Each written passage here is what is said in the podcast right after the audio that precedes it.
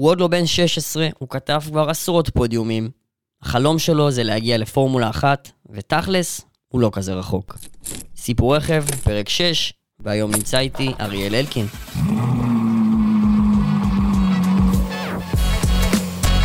סיפור רכב עם נועם בראל.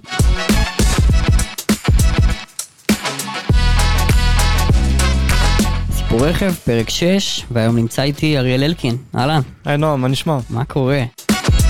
רק מצוין, אני תמיד שואל, באיזה רכב הגעת? אז הגעתי ברכבת, עדיין אין לי רישיון, אני בן 16, אז. יפה. בן 16 אספתי אותך מהרכבת, וזה לא מונע ממך גיל. בוא תספר קצת בעצם על עצמך, אני לא אעשה ספוילרים. כן, אז אה, אני אריאל אלקין, בן 16, חיפאי, אה, נהג מרוצים בינלאומי ומגשים חלומות סדרתי. אה, במהלך הקריירה שלי הגעתי ליותר מ-100 פודיומים ברמה העולמית, אה, גם בקארטינג וגם בפורמולה 4, אה, והחלום שלי זה להיות נהג פורמולה 1. תגיד, אתה זוכר את הפעם הראשונה שעלית על פורמולה 4? וואו, זוכר את זה כאילו, קודם כל, כיף מטורף. הרגשה של סוף סוף, כאילו אחרי כל כך הרבה שנים, זה אשכרה פה קורה, אתה חולם על זה בלילה ופתאום הנה אתה חי את זה. אז הפעם הראשונה בפורמולה 4 לא שוכחים. ספר קצת על הפורמולה. נהגים, מרוצים, איפה זה קורה בכל העולם כמעט. נכון, אז אליפויות פורמולה 4 אין ממש אליפות עולם, יש אה, אליפויות בכל מדינה ומדינה, נניח אה, אליפות איטליה, אליפות צרפת, אליפות ארה"ב, אליפות ברזיל אפילו. כעיקרון אליפות איטליה זה האליפות העולמית, כל הנהגים הכי טובים הולכים לשם. יש שם אולי שלושה ארבעה נהגים איטלקים מתוך 40, אה, כי זה באמת אליפות עולם. איך נראית מכונית פורמולה 4? כאילו, מהירויות? אוקיי, אז פורמולה 4 זה כמו שנראה לי כמעט כולם מכירים, מכונית פורמולה 1 בממדים יותר קטנים. כעיקרון הרכב מגיע ל-250 קמ"ש, באליפות האיטלקית יש לו מנוע אברט שאפשר למצוא באברטים הרגילות עם מנוע טורבו. כמה, כמה שוקל דבר כזה? ETU שוקל 595 קילו שזה כלום. זה 595, זה גם הרבה, לא נכון, משנה. כן, כן, כן. זאת אומרת, 160 כוח סוס בערך על 600 קילו, זה מטורף. 250 קמ"ש, בטח אדרנלין בשמיים. האדרנלין הוא מטורף, אוטו די קטלני לנהוג עליו, מאוד כיפי. יש גם פחד? כמובן שיש גם פחד במהירויות האלה, הפחד משפיע לפעמים. בקיץ האחרון אה, נהרג אה, בספא נהג אה, דילן אובנטחוף. שלא נדע. נגיד שספא, מסלול ספא בבלגיה, זה מסלול שעד היום מתקיימים בו המון סוגים שונים של מרוצים, גם פורמולה 1, וידוע, זה רק מחזק את מה שאתה אומר, שמזג האוויר שם מאוד אה, הפכפך, וזה מאוד משפיע על אופי הנהיגה, לטוב ולרע. תמשיך, סליחה. הכרתי אותו מאז שהייתי ילד, הוא נראה לי היה בן 18 כשהוא נהרג, ואני בדיוק הייתי באירופה והתכוננתי לאימונים בצרפת.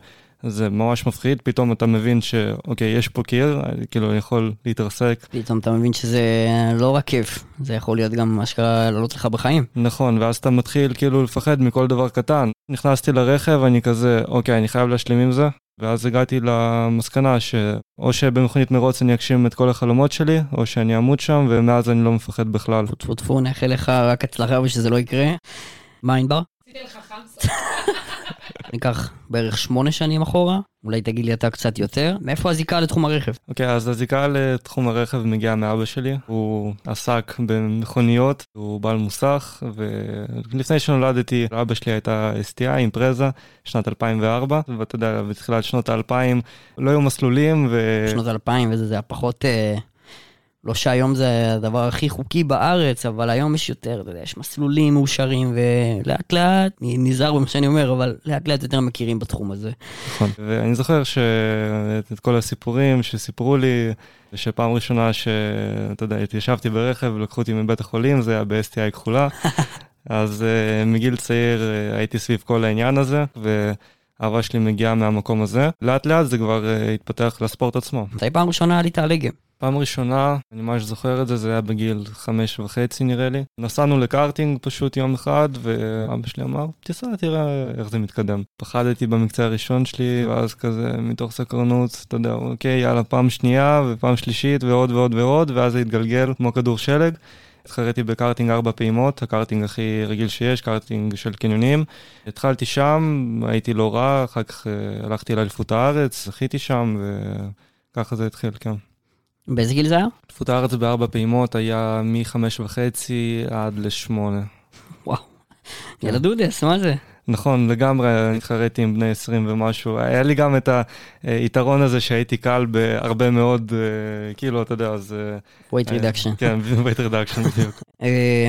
בגיל שמונה, אתה עוזב את הבית, זה פשוט הזוי, אתה טס לרוסיה, ואתה מתנהל לבד, ותספר לי בעצם מה קורה שם. כן, אז uh, הנסיעה לרוסיה, uh, פעם ראשונה זה היה סוג של uh, הפתעה כזה, אני חושב, מאבא שלי, שאני מאוד מודה לו על זה, שהוא נתן לי את ההזדמנות uh, לנסוע לשם. אז באמת נסעתי לאליפות רוסיה, אתה יודע, מדינה זרה, כן, אני דובר השפה, אז זה היה קצת יותר קל, אבל בכל מקרה, אני שם לבד, כל ההורים uh, תומכים בילדים שלהם, ואני רק לבד, ואימא שלי, למען האמת, הייתה נגד זה. ואבא שלי פשוט רצה שאני אעבור איזשהו בית ספר לחיים, ואני מאוד מעריך אותו על זה.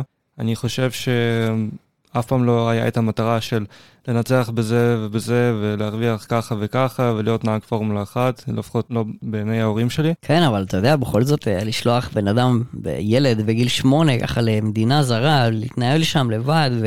זו החלטה שלא כל הורה היה עושה ככה על רגל אחת. לגמרי, וזו גם לא החלטה שכל אחד יכול להרשות לעצמו. ספורט מוטורי זה ספורט מאוד מאוד יקר, ואבא שלי עם כל המשפחה עשו את כל המאמצים והפכו חצי עולם כדי שאני אוכל להתחרות שם. אתה יודע, ילד בן שמונה, בגלל זה אני חייב המון להורים שכאילו ממש מודה להם על זה שהם נתנו לי את ההזדמנות הזאת, ומה שרוצה אתה יודע, להחזיר להם על זה מתישהו בעתיד, למרות שהם אומרים שלא צריך, אבל מה שהם עשו ממש אה, לא מובן מאליו. איך הרגישה הפעם הראשונה שעלית על פודיום? היה מטורף, נראה לי יש לי עדיין תמונות משם, רואים, אתה יודע, ילד בן 6 נראה לי, מטר 20.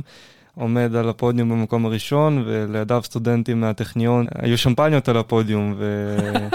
ואתה שותה בקושי שוקות. כן, בדיוק, אני לא יודע, טרופיות בקושי שתיתי אז. לאט לאט כבר התחילו להוריד את השמפניה מהפודיומים של הקארטינג, גם כשהדור הצעיר התחיל להיכנס, אבל אז זה באמת היה משהו יוצא דופן. באיזה עוד תחרויות התחרית בקארטינג ואיפה בעולם? התחרתי באליפות רוסיה, אליפות איטליה, אליפות בלגיה, אליפות אירופה, אליפות ארה"ב, הרבה מאוד תחרויות, הרבה מאוד מדינות. מה ההישגים הכי גדולים שלך בעולם הקארטינג? בעולם הקארטינג זכיתי ב-CIK FIA Academy Trophy ב-2020, שכל מדינה שולחת את הנציג הכי טוב שלה. רגע, בוא נעשה שנייה סדר. FIA זה בעצם הגוף שאחראי לרוב, לרוב הפעילויות בענף הספורט המוטורי בעולם. CIK זה בעצם הגוף העיקרי, תקן אותי אם אני טועה, למרוצי קארטינג בעולם. ובאזור שנות האלפיים שני הגופים התחילו לעבוד יחד. כן, נכון, זכיתי במרוץ הזה, אה, במרוץ האחרון ל-2020. זכיתי באליפות איטליה לקארטינג אה, ב-2022. אה, מדליית ארד באולימפיאדה בקארטינג גם, היחידה שהייתה למשלחת הישראלית עד כה. מה אתה אומר? איפה זה היה? צרפת, במרסל, בפול ריקארד 2022. הספקת הרבה עד גיל 16. נכון. ואני מניח שההורים שלך והסביבה שלך לא יכולים להגיע לכל מקום, בכל זמן. איך זה מרגיש שאתה פתאום מנצח או מגיע לפודיום או להישג אה, מרשים, ואתה לבד. אז uh, אני זוכר, היה לי מקרה ספציפי כזה, ב-2020, אתה יודע, זו הייתה היסטוריה ישראלית, כאילו, אף אחד לפני זה לא ניצח במרוץ FIA, כאילו, לפחות לא בקארטינג, ואשכרה היה שם את ההמנון, והיה מאוד מרגש, גם בשבילי, גם בשביל כל המדינה. אני יוצא כאילו מהמכונית, אתה יודע, ותכלס אין, אין את מי לחבק ולשמוח איתו, כמובן שיש את ההורים בצד השני של הטלפון, אבל זה עדיין לא אותו דבר, ואיכשהו אתה צריך לבלוע את כל הרגשות לבד. אה, גם במצבים טובים, גם במצבים רעים. נניח הייתה איזושהי תאונה עם נהג אחר, אז אה, אבא שלו מגיע, מתחיל לצרוח עליי. די. כן, ואני כאילו ילד בן 12, אתה יודע, עומד שם ואני כזה, גבר בן 60 צועק עליי, מה אני אמור לענות לו? איזה לא נעים. בוא נסטה שנייה מכל המרוצים סביב העולם וזה, ננחת שנייה בישראל. ראיתי איזו כתבה עליך שעשו בכאן 11, והופתעתי לשמוע שאתה, לא רק שאתה בעצם תלמיד תיכון, אתה גם מצטיין. כן, נכון, אז באמת אה, העניין הלימודי מאוד חשוב בשבילי. אה, יותר חשוב להורים שלי את האמת, אם לומר את האמת. אבא שלי, אני זוכר, בכיתה א', אה, הגיע אליי, אמר, אריאל, אם הציונים שלך מתחת ל-90, סמים עם הספורט, ומאז אני תלמיד מצטיין. אה, כיום אני לומד חמש יחידות מתמטיקה, חמש יחידות אנגלית מואץ, אה, פיזיקה מואשרת ומדעי המחשב. אני לא, לא התחרתי בכל העולם ואני לא עשיתי כאלה דברים. איך אתה משלב באמת קריירה בינלאומית עם בגרויות? אה, אני חושב שמאוד חשוב כדי להצליח בזה, לנהל את הזמן נכון, לדעת מה אתה עושה. כמה אתה נמצא בבית ספר בכלל בשנה? אה, לא הרבה, כמובן שזה דינמי, זה משתנה מתקופה לתקופה. יש עכשיו אה, את העונה, אם יש, אה, אתה יודע, פגרה או משהו. תלוי בעונה ואיפה אתה מתחרה, כן. נכון, אני מניח שבין שליש לחצי אני מפספס. וואו. בוא תעוף על עצמך רגע, הבנתי שאתה יודע איזה חמש שפות. כן, נכון. הייתי באיטליה די הרבה זמן ודי הרבה פעמים. עד לרמה שאני היום uh, מבין איטלקית ואפילו דובר, uh, כאילו, לא, לא קצת, אני יכול ללכת ולהסתדר, וגם בתוך הקבוצה אני יכול לדבר קצת איטלקית. Uh, היה לי את אותו דבר גם עם קבוצה בלגית, ששם הם דיברו צרפתית. אז צרפתית אני פחות מדבר, אבל אני כן יכול להבין.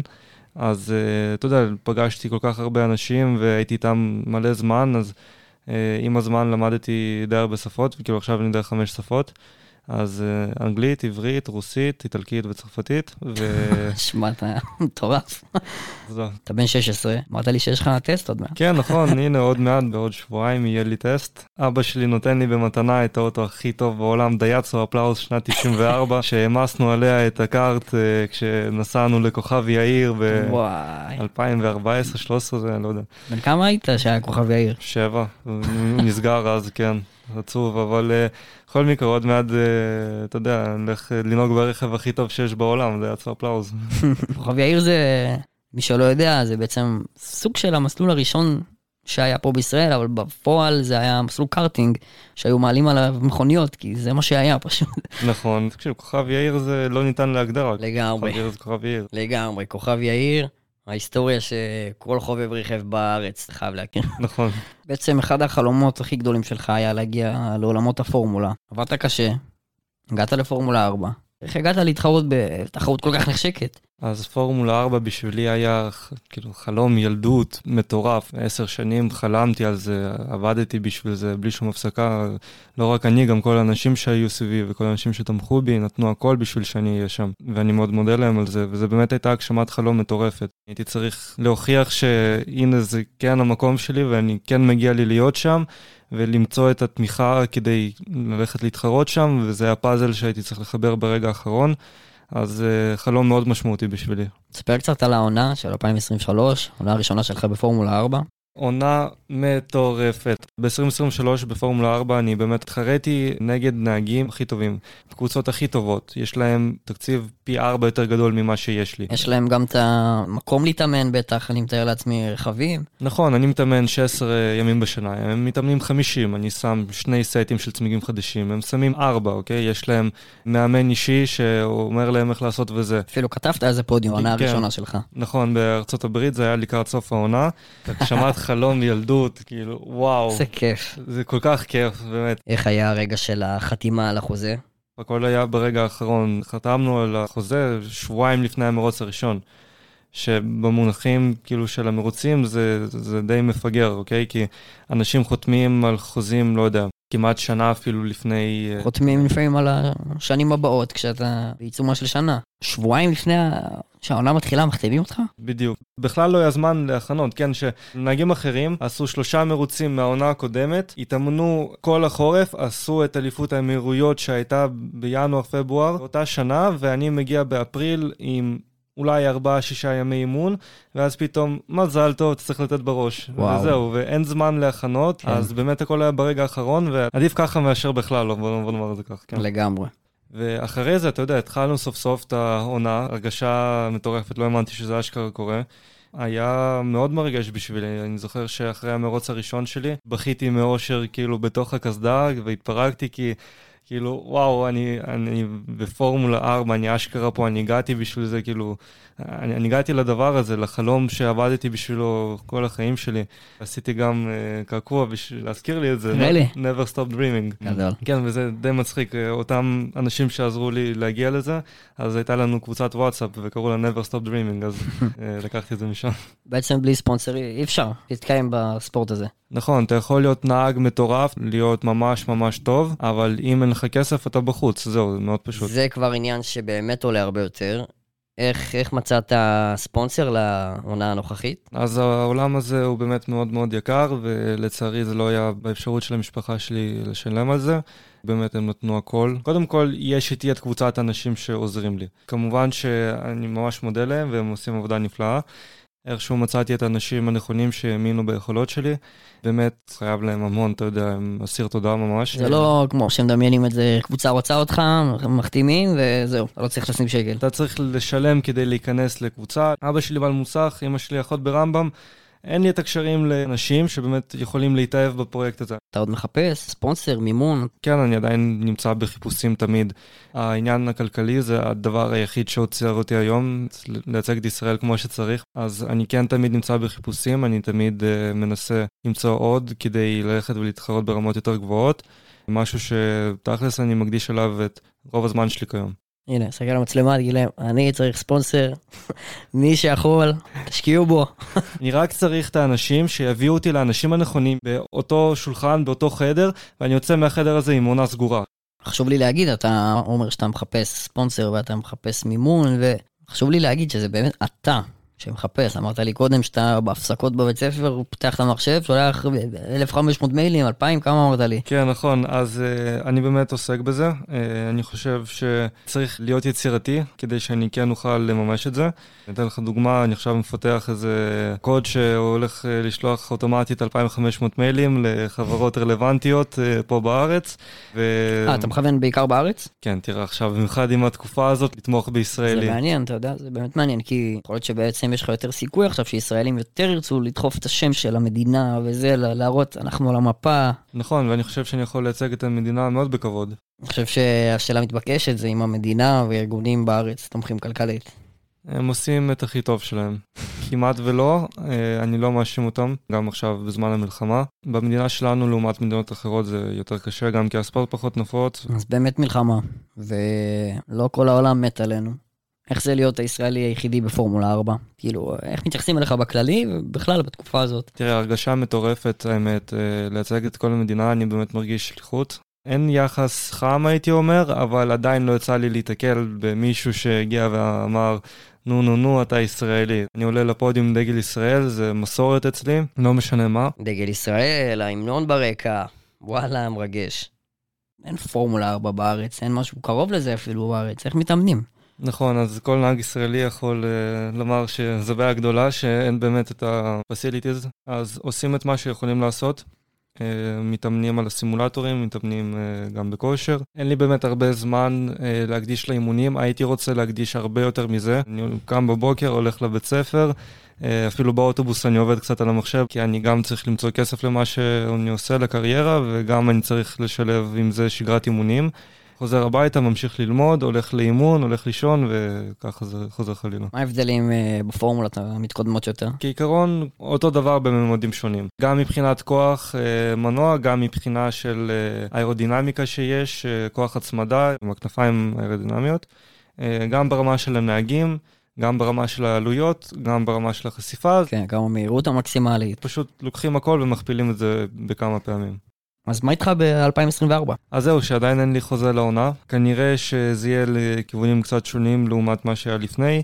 זה יכול להיות הרבה דברים. תכלס, בסופו של דבר, מילה אחת כסף, זה הכל תלוי מזה. הכל מתחיל ומסתיים שם. לא משנה כמה נהג טוב אתה, כל מה שאתה עושה תלוי מדבר אחד. אתה יותר מאיזה עשור בתחום. היו תאונות בדרך? טפו טפו, הנה יש פה שולחן עץ, אה, לא יותר מדי. תכלס, פעם אחת התהפכתי בקארטינג ב-2018. מה זה התהפכתי?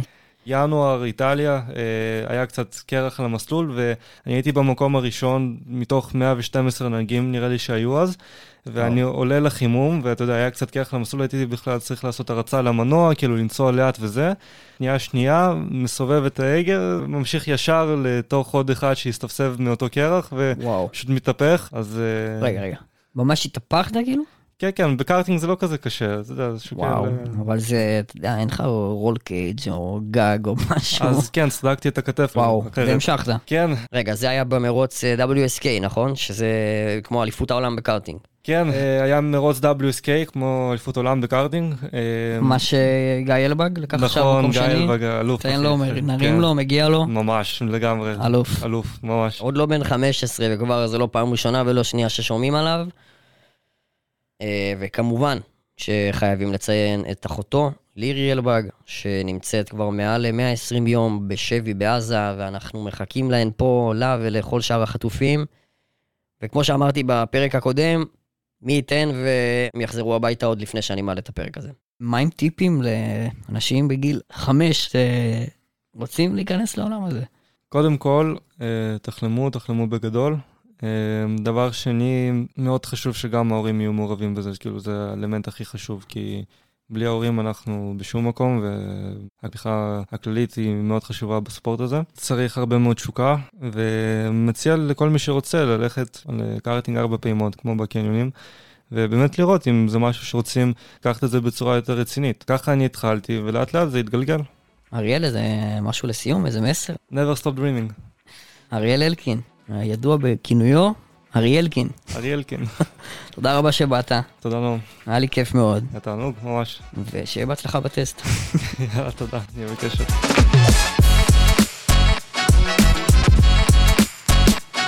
זהו, זה היה פרק 6 של סיפור רכב. נדוש, אבל יש גם קישור לאינסטגרם של הפודקאסט, אתם מוזמנים לרשום לי שם חופשי אם אהבתם, לא אהבתם, את מי בא לכם שנביא, וגם שמתי קישור לאינסטגרם של אריאל, שם תוכלו לעקוב אחרי כל המרוצים שלו והעדכונים. נגיד תודה רבה לאולפן הקוקפיט על אה, ההקלטה, העריכה והכל. תודה רבה שהאזנתם.